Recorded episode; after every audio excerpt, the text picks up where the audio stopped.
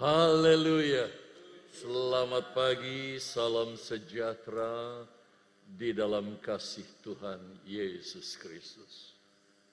Tanpa kita sadari, saudara, kita sudah ada di minggu terakhir dari tahun 2021. Berarti minggu ke-52 ya, kalau tidak salah.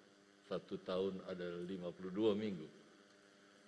Nah, minggu depan kita sudah ada di tahun yang baru. Tapi kita masih membahas tentang rangkaian khotbah dari Yesaya pasal 9 ayat yang kelima tentang gelar-gelar Yesus.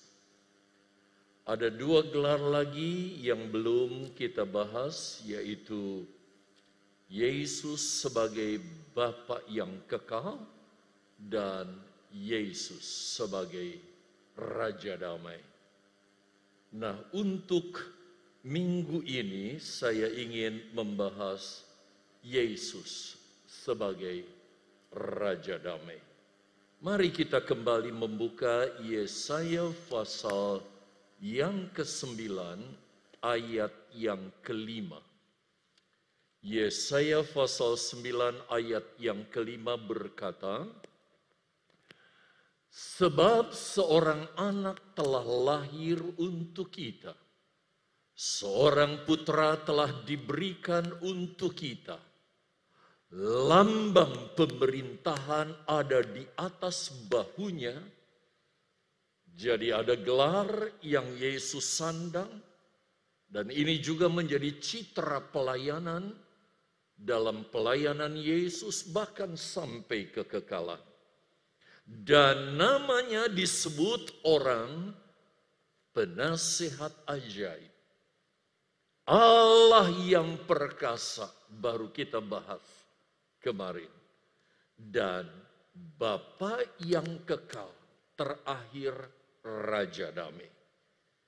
Kenapa saya tidak membahas Bapak yang kekal dulu? Ini kita akan bahas di minggu pertama nanti.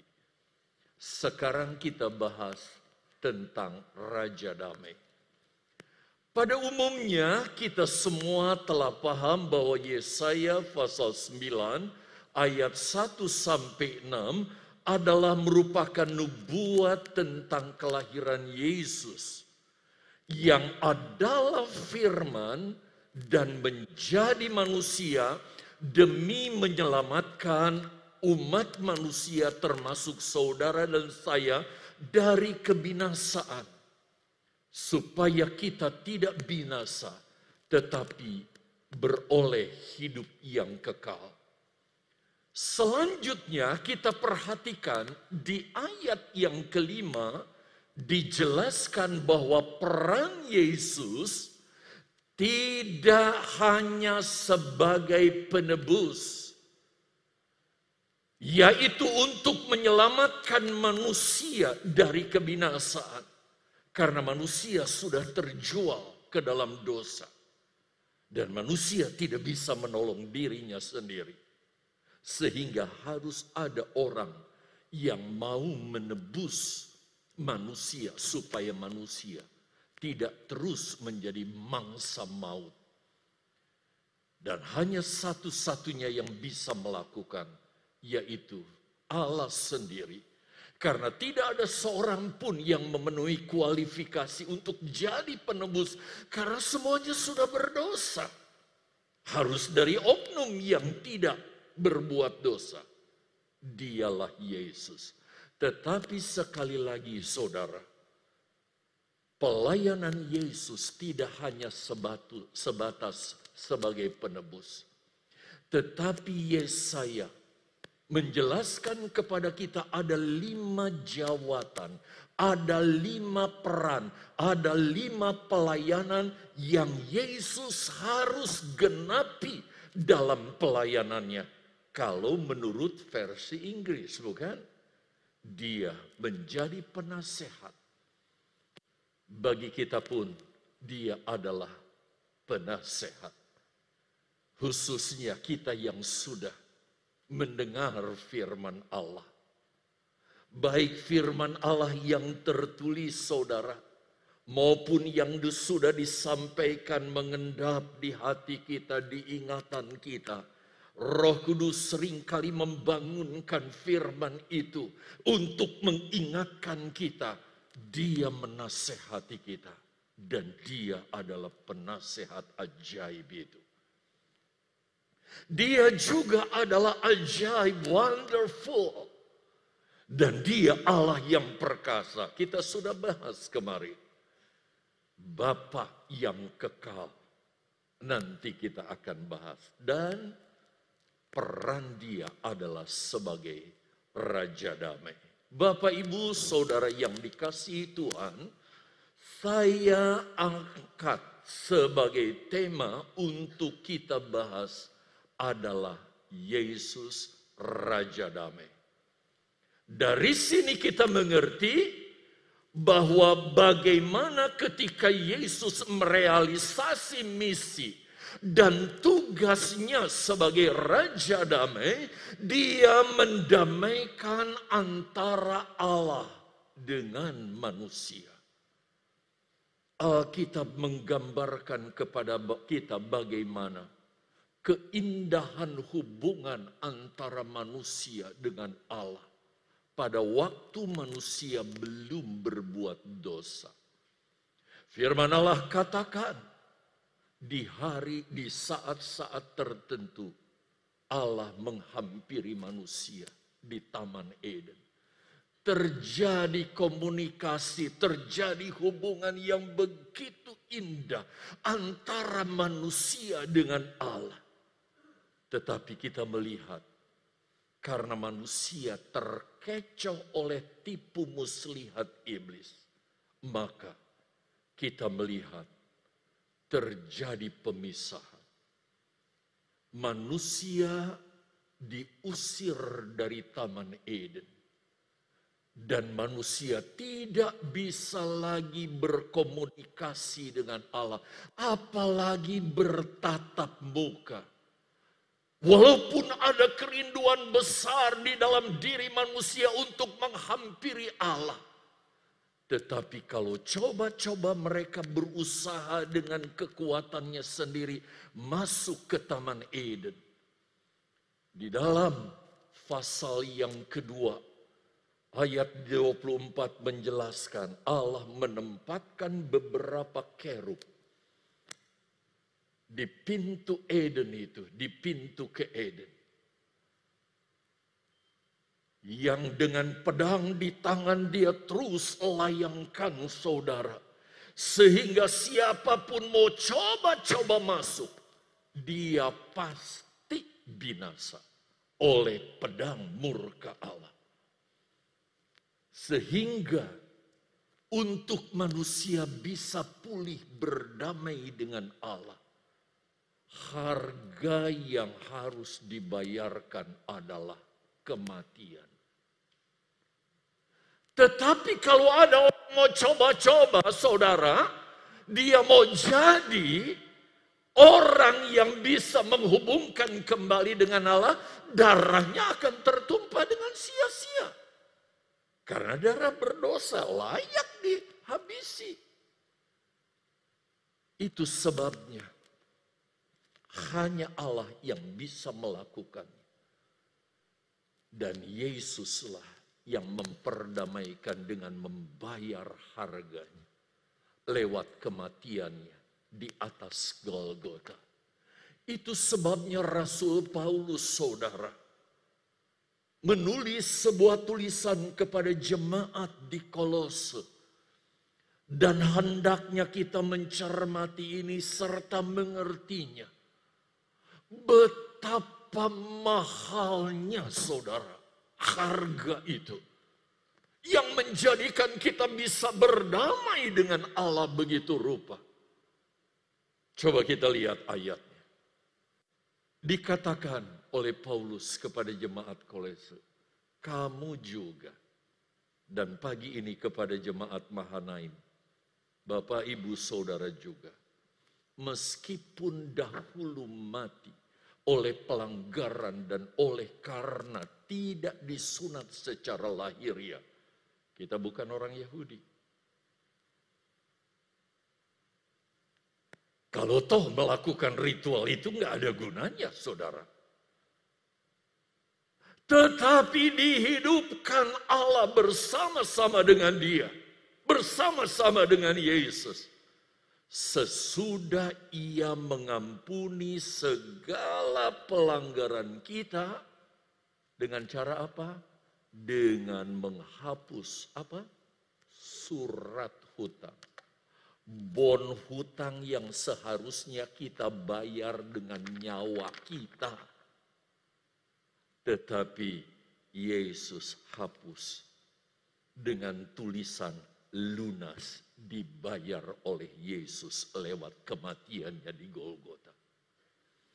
Oleh menghapuskan surat hutang yang oleh ketentuan-ketentuan hukum mendakwa dan mengancam kita jadi surat itu, saudara Bon itu mendakwa kita, menghukum itu, menghukum kita. Tetapi lihat kalimat terakhir. Dan itu ditiadakannya. Surat itu. Saya nggak sobek saudara sebab ini catatan. Yesus mensobeknya, meniadakannya, menghapusnya. Dengan apa? Dengan apa? Memakukan. Di mana? Di kayu salib. Siapa yang dipakukan? Dirinya sendiri. Itu sebabnya saya pernah beberapa kali katakan kepada jemaat Mahanaim. Bagaimana kalau saudara memandang salib? Apa yang saudara lihat dari ekspresi salib yang saudara kalau saya memandangnya, di salib itu terpaku. Bon, hutang yang saya nggak bisa bayar. Tulisan di sana, dosa Yosminandar.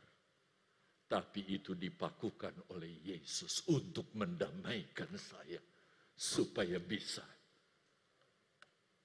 berdamai kembali dengan Allah dan menikmati Eden yang dipulihkan. Bahkan nanti kita akan bahas tentang kerajaan seribu tahun di mana kita secara fisik akan melihat pribadinya dan menikmati kembali sukacita hasil perdamaian itu. Jadi Bapak Ibu Saudara yang dikasih oleh Tuhan, berdasarkan ayat tadi, kita bisa tarik sebuah kesimpulan bahwa, perhatikan baik-baik, setiap orang yang percaya, saudara sudah percaya? Sungguh-sungguh percaya. Bukan percaya cuma sekedar. Percaya yang dibuktai, dibuktikan dengan tanda-tanda. Buah dari percaya itu.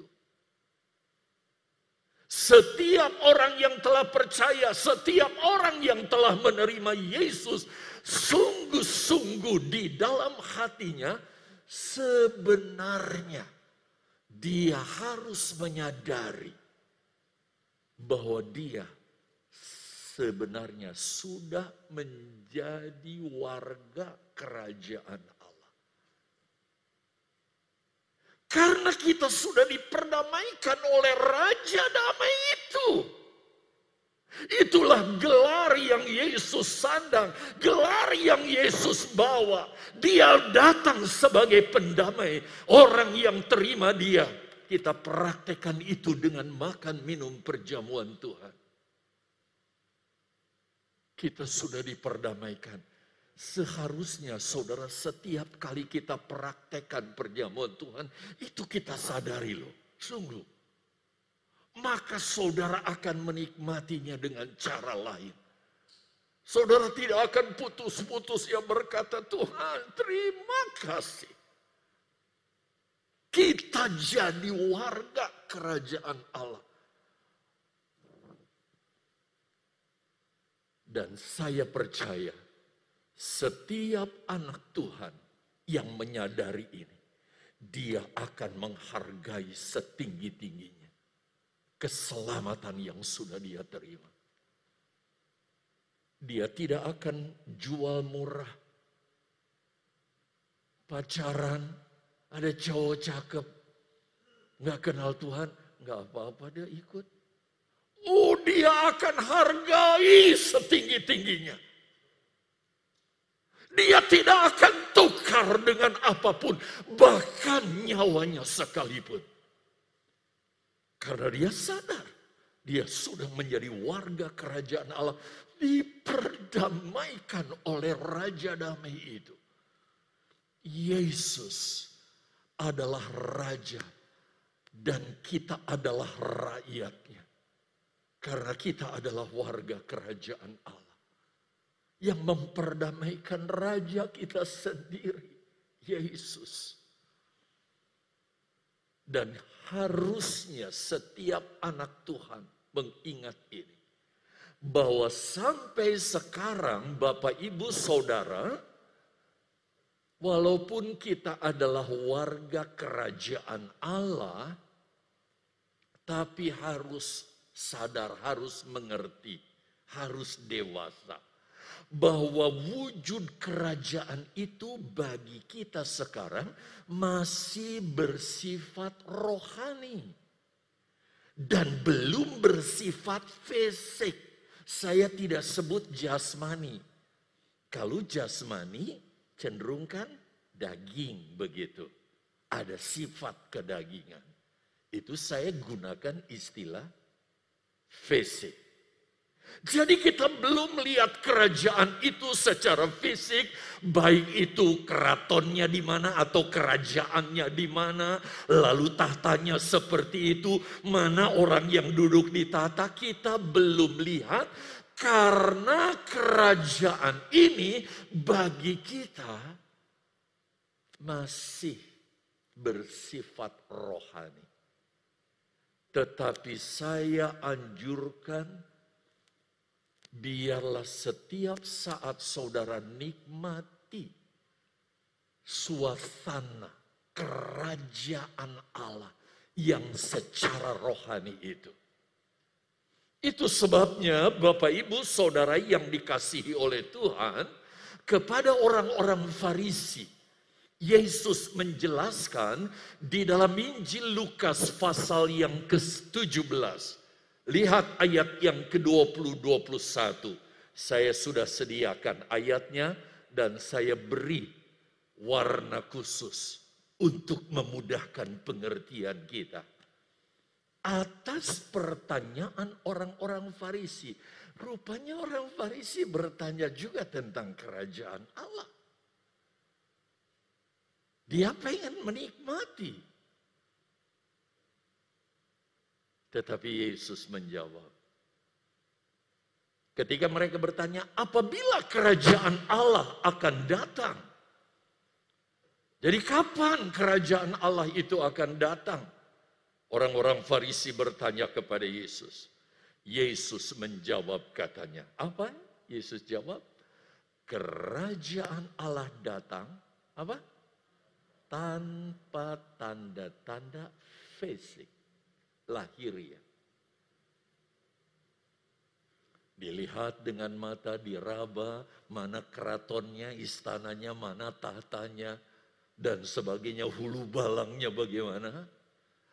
Lalu Yesus berkata, juga orang tidak dapat mengatakan, perhatikan, lihat ia ada di sini, atau ada di sana. Kenapa? Sebab sesungguhnya kerajaan Allah itu ada di antara di antara kamu. Apa pengertiannya? Di antara saudara. Kalau ketika kita berhimpun sekarang, waduh nyanyinya tadi gempita rasanya nggak mau berhenti saudara nikmati hadirat Tuhan kerajaan Allah dalam pujian penyembahan. Juga ketika kita berdoa, duduk seperti ini. Lalu apakah sesudah kita pulang, gerejanya bubar, maka kerajaan Allah itu pun lenyap dalam diri kita. Seharusnya tidak. Walaupun secara orang pribadi, saudara bisa nikmati kerajaan Allah dalam diri saudara. Nanti kita lihat bentuk-bentuk kerajaan Allah itu. Ini harus jadi pengalaman. Kalau tema dari Natal ini bertumbuh menjadi kuat, menjadi hikmat dan sebagainya, kita pun bertumbuh dalam pengertian hal ini. Sehingga kita jadi anak Tuhan, bukan anak Tuhan yang seminggu sekali baru menikmati persekutuan dengan Tuhan, tapi setiap saat, setiap detik, saudara bisa nikmati kerajaan Allah itu. Sebab dia ada di antara kamu, di hati kita. Kita menikmati sorga bersama dengan Yesus. Artinya begini saudara Sampai sekarang ini kita belum lihat kerajaan Allah secara fisik, bukan? Tapi kita bisa mengalami secara rohani seperti yang Yesus katakan di dalam Matius pasal yang ke-18 ayat 20. Sebenarnya ayat ini selalu kita nikmati ketika kita bersama-sama seperti ini bukan? Tapi lihat dulu ayatnya. Sebab di mana ada dua atau tiga orang, baru dua tiga ini ratusan. Berhimpun dalam namaku, kita berhimpun di sini bukan karena arisan mau bagi-bagi duit ya. Tetapi kita berhimpun di dalam nama Yesus. Itu sebabnya kita landaskan doa dengan doa dan kita yang mengagung-agungkan namanya karena dasar dari perhimpunan ini nama Yesus Yesus janjinya apa? Di situ aku, di situ Raja kita Yesus ada di tengah-tengah kita. Yesus ada di sini, Bapak Ibu Saudara yang dikasih Tuhan. Tinggal kepekaan kita, nikmati hadirat Tuhan. Dan saya berharap ketika saudara pulang, kesadaran ini terus saudara bawa. Dan saudara bisa nikmati ini terus. Ketika saudara sendirian, bersama dengan istri di rumah, tapi sering kali iblis suka curi saudara. Dia rampas, dia mau kacaukan dengan cara apa pun. Ada perkara sedikit saja, dek, wah. Tidak nikmati lagi kerajaan Allah, hati-hati ya saudara. Biarlah kita terus nikmati kerajaan Allah. Dengan demikian kita bisa tarik kesimpulan bahwa kerajaan Allah secara rohani sudah kita alami. Tiap-tiap orang percaya tinggal apakah saudara benar-benar telah lahir baru atau tidak itu permasalahannya. Kalau saudara cuma Kristen-Kristenan, saudara, saudara tidak akan menikmati itu. Dan tergantung kepekaan saudara dalam hal ini. Sehingga sebenarnya hidup orang Kristen. Kita bisa tidak memberi peluang sedikit pun kepada iblis untuk menyusupkan dosa dalam diri kita. Kalau kita terus menjaga suasana dan hubungan kita dengan Yesus. Sehingga kerajaan Allah kita terus nikmati. Dan kita tidak memberi kesempatan sedikit pun kepada iblis untuk menyusupkan dosa. Baik itu di hati, di pikiran, apalagi sampai dilakukan dengan fisik kita. Dan kerajaan Allah secara rohani didirikan oleh Yesus sehingga dialami oleh semua pengikut Yesus sejak Yesus disalib saudara sampai nanti saat awal pemerintahan antikris. Tepatnya saat gereja sempurna disingkirkan ke padang gurun. Di situlah kita masih terus menikmati kerajaan Allah secara rohani. Coba kita lihat gambar ini. Nah, ini dia. Kita nggak usah bahas banyak-banyak ya, ini nggak usah bahas, langsung saja di sini. Kerajaan itu didirikan oleh Yesus saat Yesus mati di kayu salib buat kita. Hmm. Jadi posisi kita ini masa tiga setengah tahun, saya nggak tulis saudara karena ruangnya kecil. Kira-kira kalau materai ke lima itu ya kira-kira mungkin di sini ya. Udah dekat sekali saudara waktu kita. Kita di sini, kita masih ada di dalam suasana kerajaan Allah secara rohani. Tetapi ini akan berakhir di awal pemerintahan antikris. Kenapa berakhir? Karena pada saat itulah gereja yang sempurna saudara Berapa istilah lain masih ingat jemaat? Jangan lupa ya. Tadi Jeff singgung juga ya. Termasuk salah satu gelar yang saya sisipkan di situ. Hawa yang akhir, yang akan mendampingi Adam yang akhir. Ini akan dibahas saudara di minggu depan ya. Ketika disingkirkan ke padang gurun, maka saudara masa tiga setengah tahun itu layaknya seperti neraka.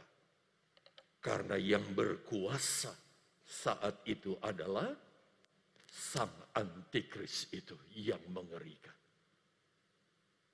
Sehingga nanti kalau kita pelajari lebih dalam lagi kitab Wahyu, mereka dalam penderitaan sekalipun tetap menghujat Allah karena tidak ada lagi kesempatan untuk bertobat. Sebab firman Allah dan roh kudus sudah tidak lagi berkarya di muka bumi.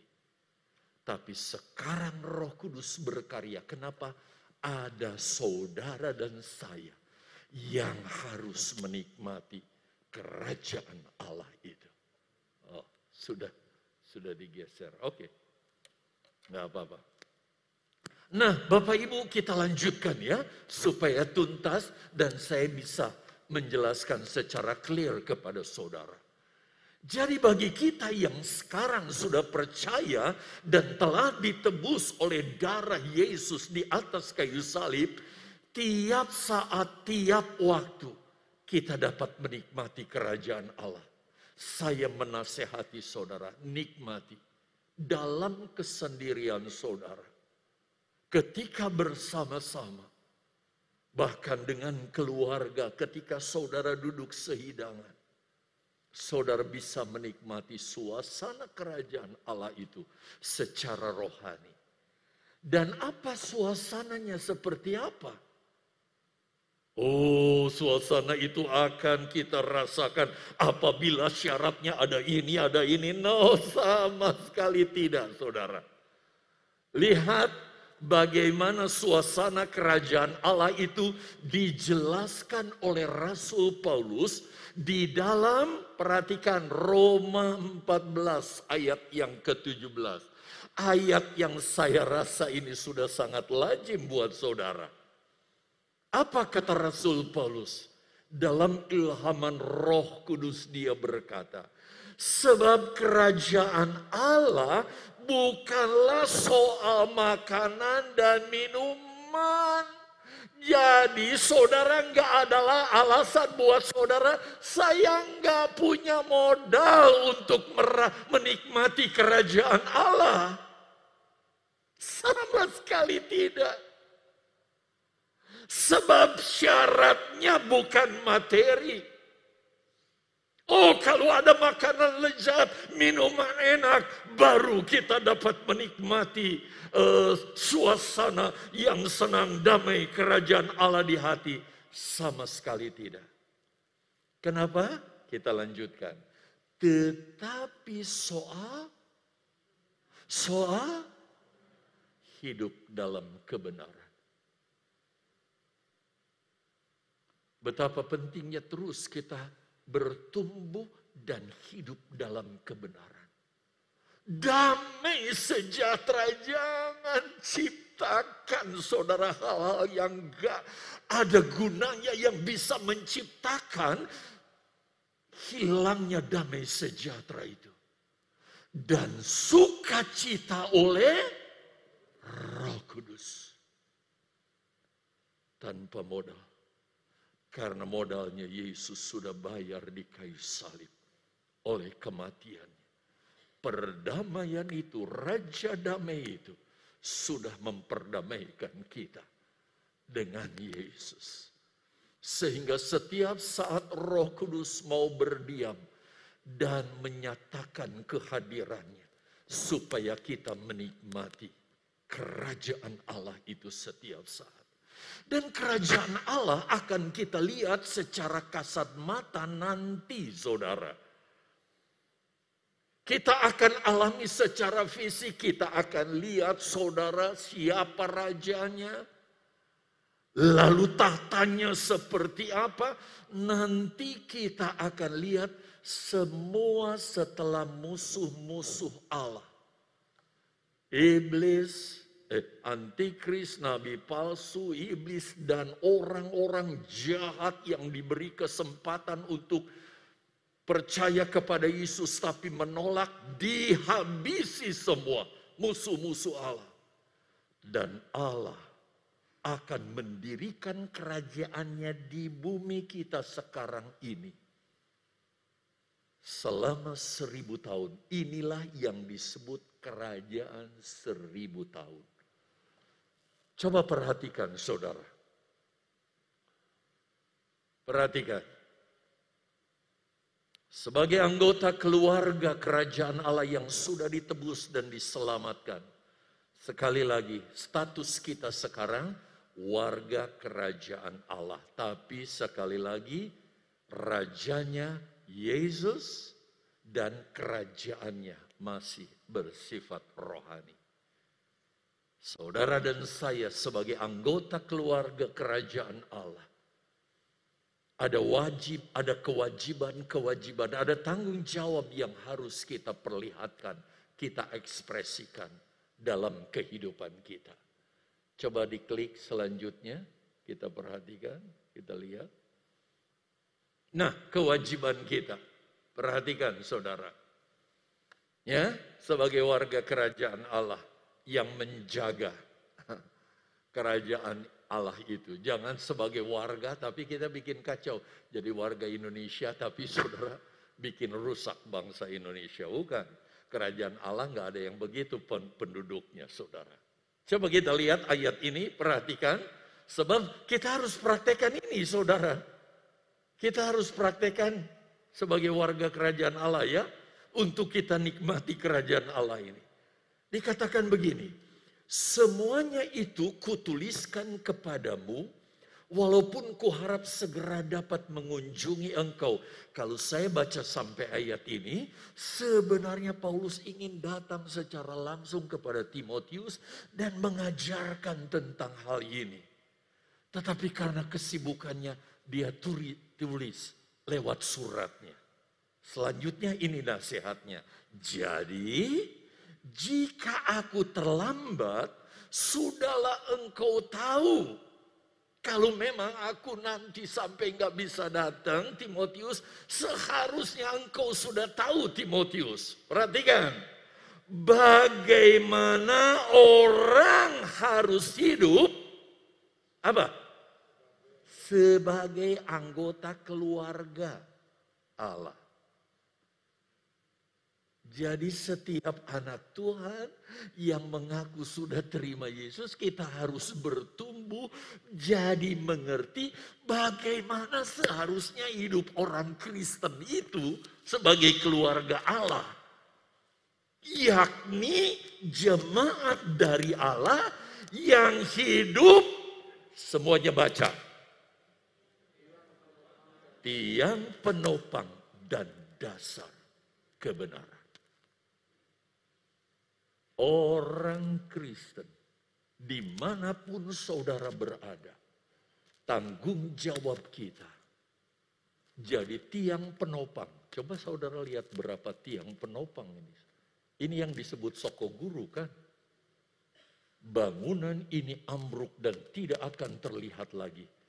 Kalau tiang penopangnya rapuh. Ini tugas saudara di dunia ini di mana kita sedang berada dalam kerajaan Allah secara rohani ini, saudara.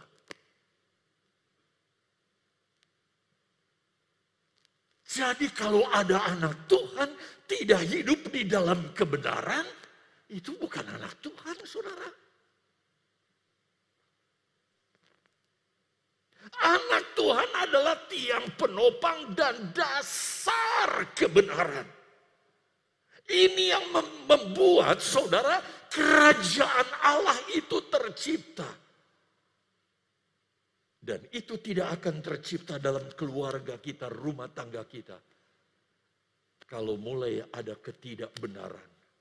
Entah di suami, di istri, di anak, di siapa pun.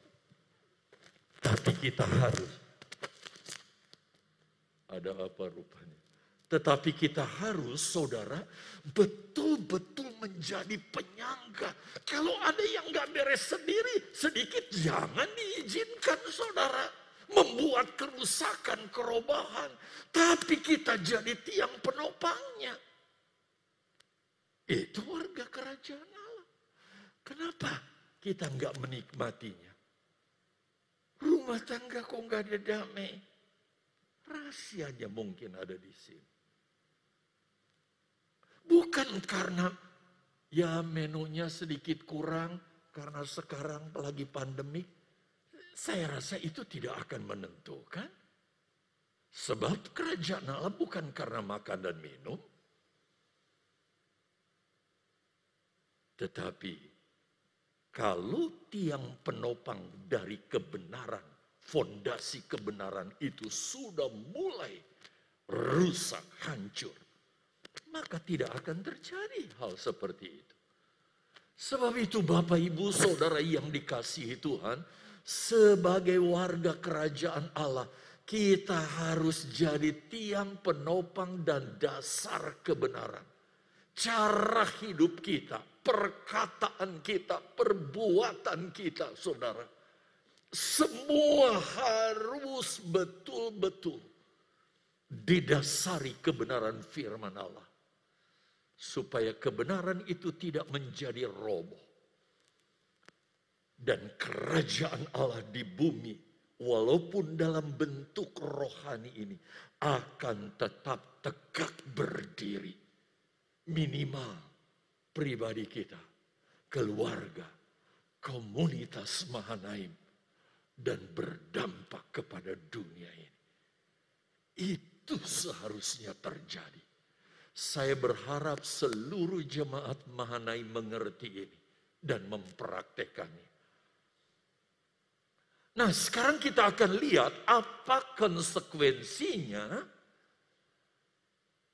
yang akan kita terima, kita alami apabila kita ngakunya orang Kristen, pengikut Yesus, keluarga kerajaan Allah, tapi kita tidak meng ekspresikan sifat Yesus dalam kehidupan kita. Yaitu apa? Jadi yang penopang dan dasar kebenaran di dunia ini. Saya katakan sekali lagi mulai dari rumah tangga, keluarga. Karena itu basic. Sebab dari rumah tangga muncullah orang-orang yang datang ke gereja. Kalau basic rumah tangganya nggak beres, di gereja dia akan ciptakan kekacauan. Tapi kalau di rumah tangga dia baik, saudara, nikmati kerajaan Allah, dia bawa kerajaan Allah. Dia bagikan sesama di gereja. Gereja akan jadi perhimpunan yang daya tariknya luar biasa. Saya sedih kalau ada jemaat kecewa. Kenapa? Kemah. Kenapa? Sakit hati katanya. Karena mendengar ucapan ini. Harusnya enggak gitu saudara. Harusnya justru gereja itu ngangeni. Aduh kepingin kapan lagi gereja. Karena nikmati kerajaan Allah. Sebab apa? Orang-orang yang datang saudara membawa suasana kerajaan Allah. Sehingga orang yang nggak menikmati kerajaan Allah ketika datang masuk perhimpunan ini, aduh enaknya berhimpun di sini. Aku mau datang lagi besok. Dia akan ajak temannya. Gereja akan membawa dampak yang luar biasa saudara. Untuk itu saya ajak saudara mempelajari lagi perumpamaan yang saya pernah sampaikan Aduh, waktunya ya. Hmm, udah pas jam 11 saudara. Berarti waktu saya tinggal 15 menit. Rasanya nggak keburu saudara. Tapi saya ingin perumpamaan ini saya jabarkan lebih detail. Ini saya sudah sampaikan kepada jemaat. Kecuali mungkin saudara ada yang baru di sini atau baru datang. Atau pada saat itu saudara tidak datang, tidak hadir bagaimana jemaat anggota keluarga kerajaan Allah dia harus jadi tiang penopang dan dasar kebenaran dalam hidupnya. Yang harus diekspresikan, dipraktekkan, diaplikasikan, dan dirasakan oleh orang-orang yang ada di sekitarnya. Yuk kita lihat perumpamaan dalam Matius 18 mulai ayat 21 sampai 35 ini. Tapi kita bisa ya sihat hati dengan cepat kita pelajari. Perhatikan kisahnya. Kita mulai dengan ayat 23 saudara. Sebab hal kerajaan sorga seumpama seorang raja yang hendak mengadakan perhitungan dengan hamba-hambanya. Saudara ingat ya ini ayat 23 bahwa saatnya akan tiba bahwa Yesus akan membuat perhitungan kepada kita tanpa pandang bulu. Bagaimana perilaku kita? Apakah kita betul-betul jadi orang Kristen sebagai tiang penopang dan dasar kebenaran atau tidak? Perhatikan itu. Berikutnya ayat yang ke-24 dihadapkanlah kepadanya seorang yang berhutang sepuluh ribu talenta. Kalau tidak salah beberapa pasah eh apa Natal yang lalu ya beberapa. Waktu pendeta Roland si Tompul kita undang khotbah, lalu saya ambil bagian satu khotbah. Saya ambil ini. Nah, perhatikan hutang menuntut pertanggungjawaban kita. Kalau hutang kita sudah ditanggung oleh Yesus, sekarang kita bebas dari hutang itu, tapi kita nggak menjalani, aduh, tuntutannya berat saudara. Kalau kita nggak praktekkan. Karena hutang di sini tidak lain adalah gambaran dosa. Jadi kalau kita harus bisa betul-betul praktekkan bahwa kita tidak lagi berurusan dengan yang satu ini dalam kehidupan kita, saudara. Kita tidak lagi berkompromi dengan yang satu ini.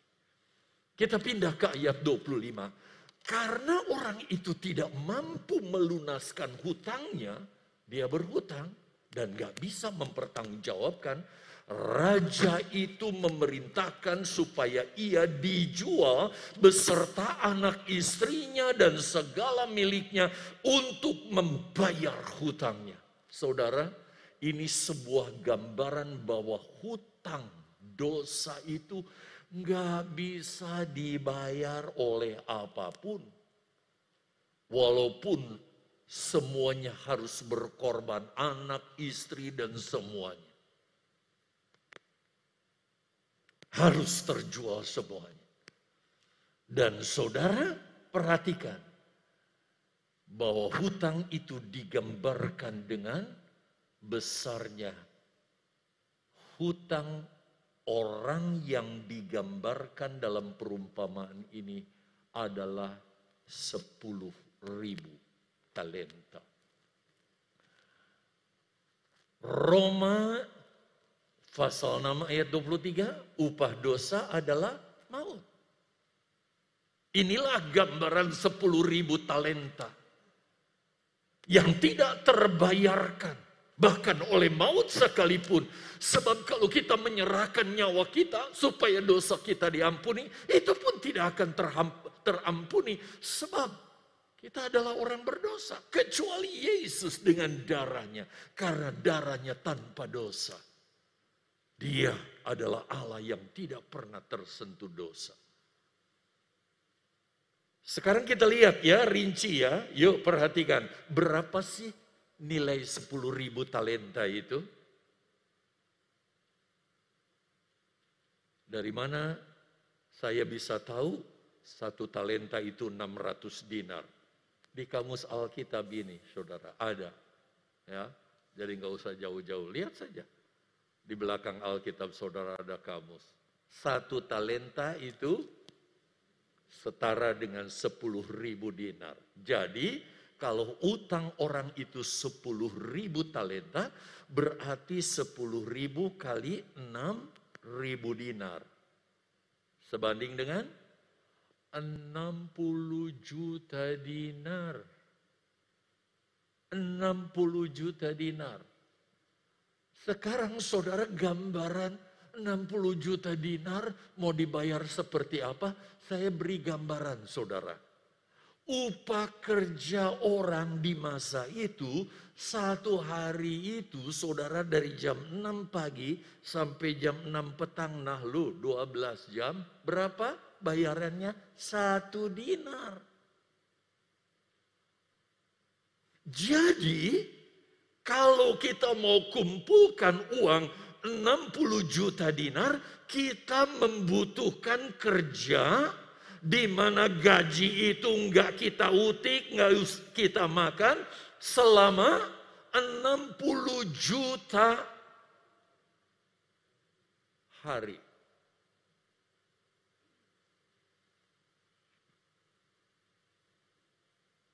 Kira-kira bisa enggak seorang bekerja selama 60 juta hari supaya bisa dapat upah 60 juta dinar lalu upah itu untuk bayar hutang. Saya kasih rincian. Kalau kita hitung usia manusia berdasarkan rumusan Musa 70 sampai 80 tahun, nanggung ya, kita bulatkan ke atas saja. Ini orang tertua di dunia 100 tahun saja kali 365 hari. Berarti orang 100 tahun saudara, dia baru punya hari sebanyak 36.500 hari. Kalau orang itu sejak lahir, eh, sudah bisa bekerja, dapat uang satu dinar, sampai mati umur 100 tahun, dia hanya baru bisa menghasilkan dana 36.500 dinar. Hutangnya berapa? 6 juta dinar. Hal ini memberi gambaran Tidak ada seorang pun manusia dengan kekuas, kekuatan dan seluruh hidupnya bisa membayar hutang dosa. Itu sebabnya perhatikan saudara tidak ada cara lain bagi hamba ini yang hutangnya 60 juta dinar. Dia hanya melakukan kita lihat ayat 26. Maka sujudlah hamba itu menyembah dia, menyembah raja yang tidak lain adalah Yesus. Katanya, sabarlah dulu. Sebab segala hutangku akan kulunaskan kita tidak bisa membayar hutang dosa. Kecuali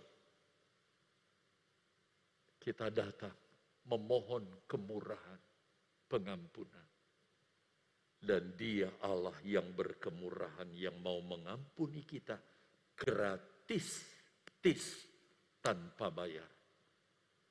Jadi kalau konsep ada agama yang mengajarkan berbuat baik supaya dosa diampuni, omong kosong, saudara.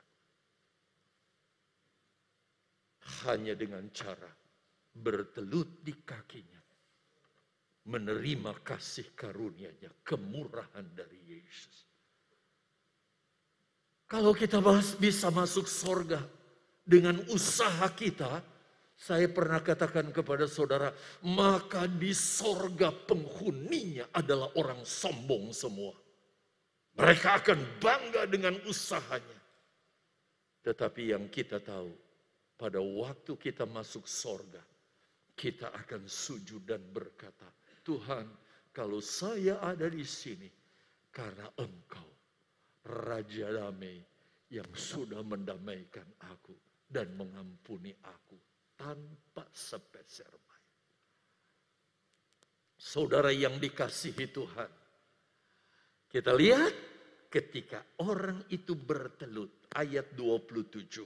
Lalu tergeraklah hati raja itu oleh belas kasihan akan hamba itu. Sehingga ia membebaskannya dan menghapuskan hutangnya. Bapak ibu saudara sekalian. Siapakah hamba yang berhutang kepada raja dalam kisah ini? Ini tidak lain adalah potret diri kita kita adalah orang yang sudah diampuni. Tetapi tanggung jawab kita perhatikan. Kita harus tegakkan tiang penopang dan dasar kebenaran itu. Selama kita hidup di dunia ini. Tetap hidup di dalam kebenaran. Ciptakan kebenaran itu. Mulai dari rumah, di gereja, di mana pun kita berada. Karena ini tanggung jawab kita. Tetapi saudara, kita melihat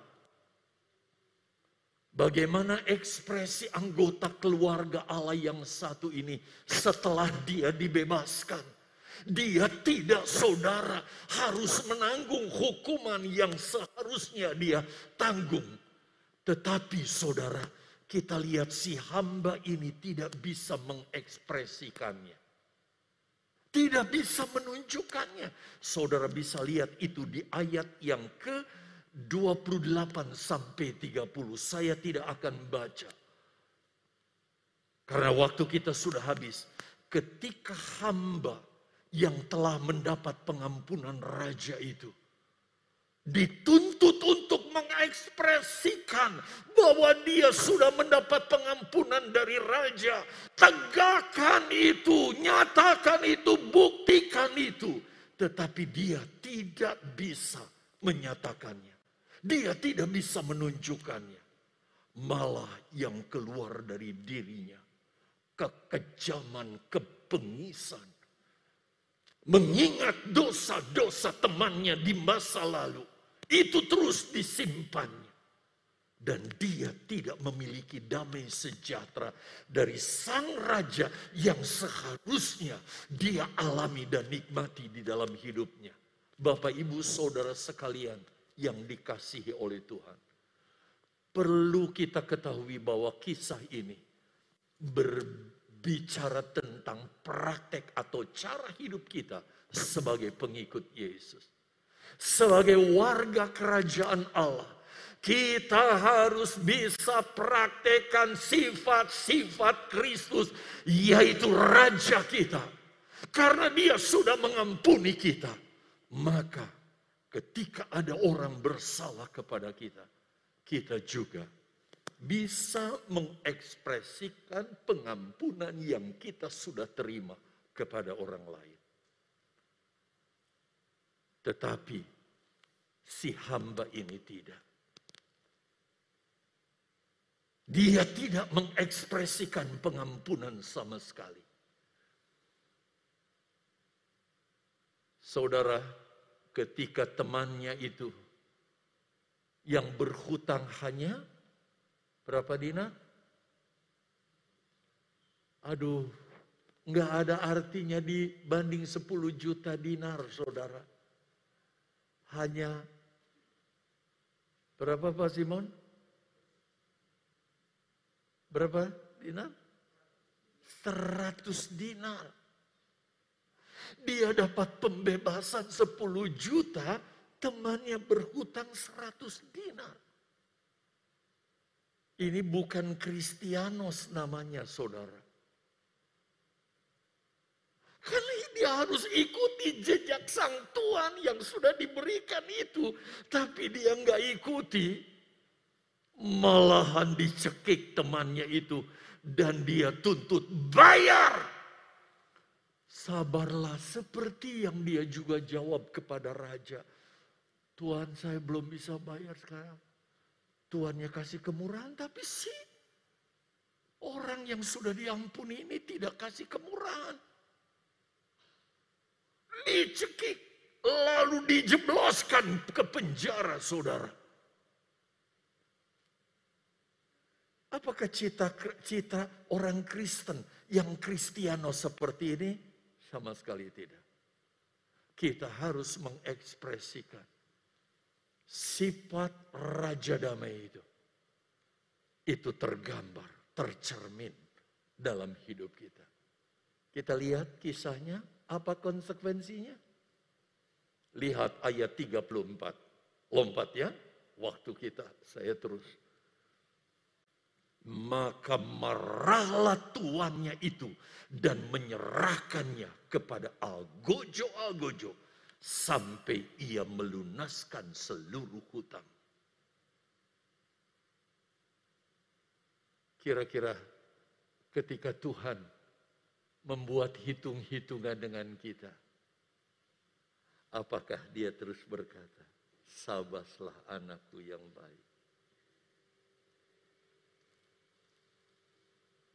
Kamu anakku yang baik, kamu hambaku yang baik. Kamu sudah menunjukkan citraku ya. Wah, luar biasa. Tetapi saudara, raja ini dia marah begitu rupa. Akhirnya jebloskan dia sampai dia bisa menghutangi, eh, membayar hutangnya. Sampai neraka itu katakanlah padam, saudara dia tidak akan pernah bisa membayar hutangnya. Sedangkan neraka tidak akan bisa padam untuk selama-lamanya.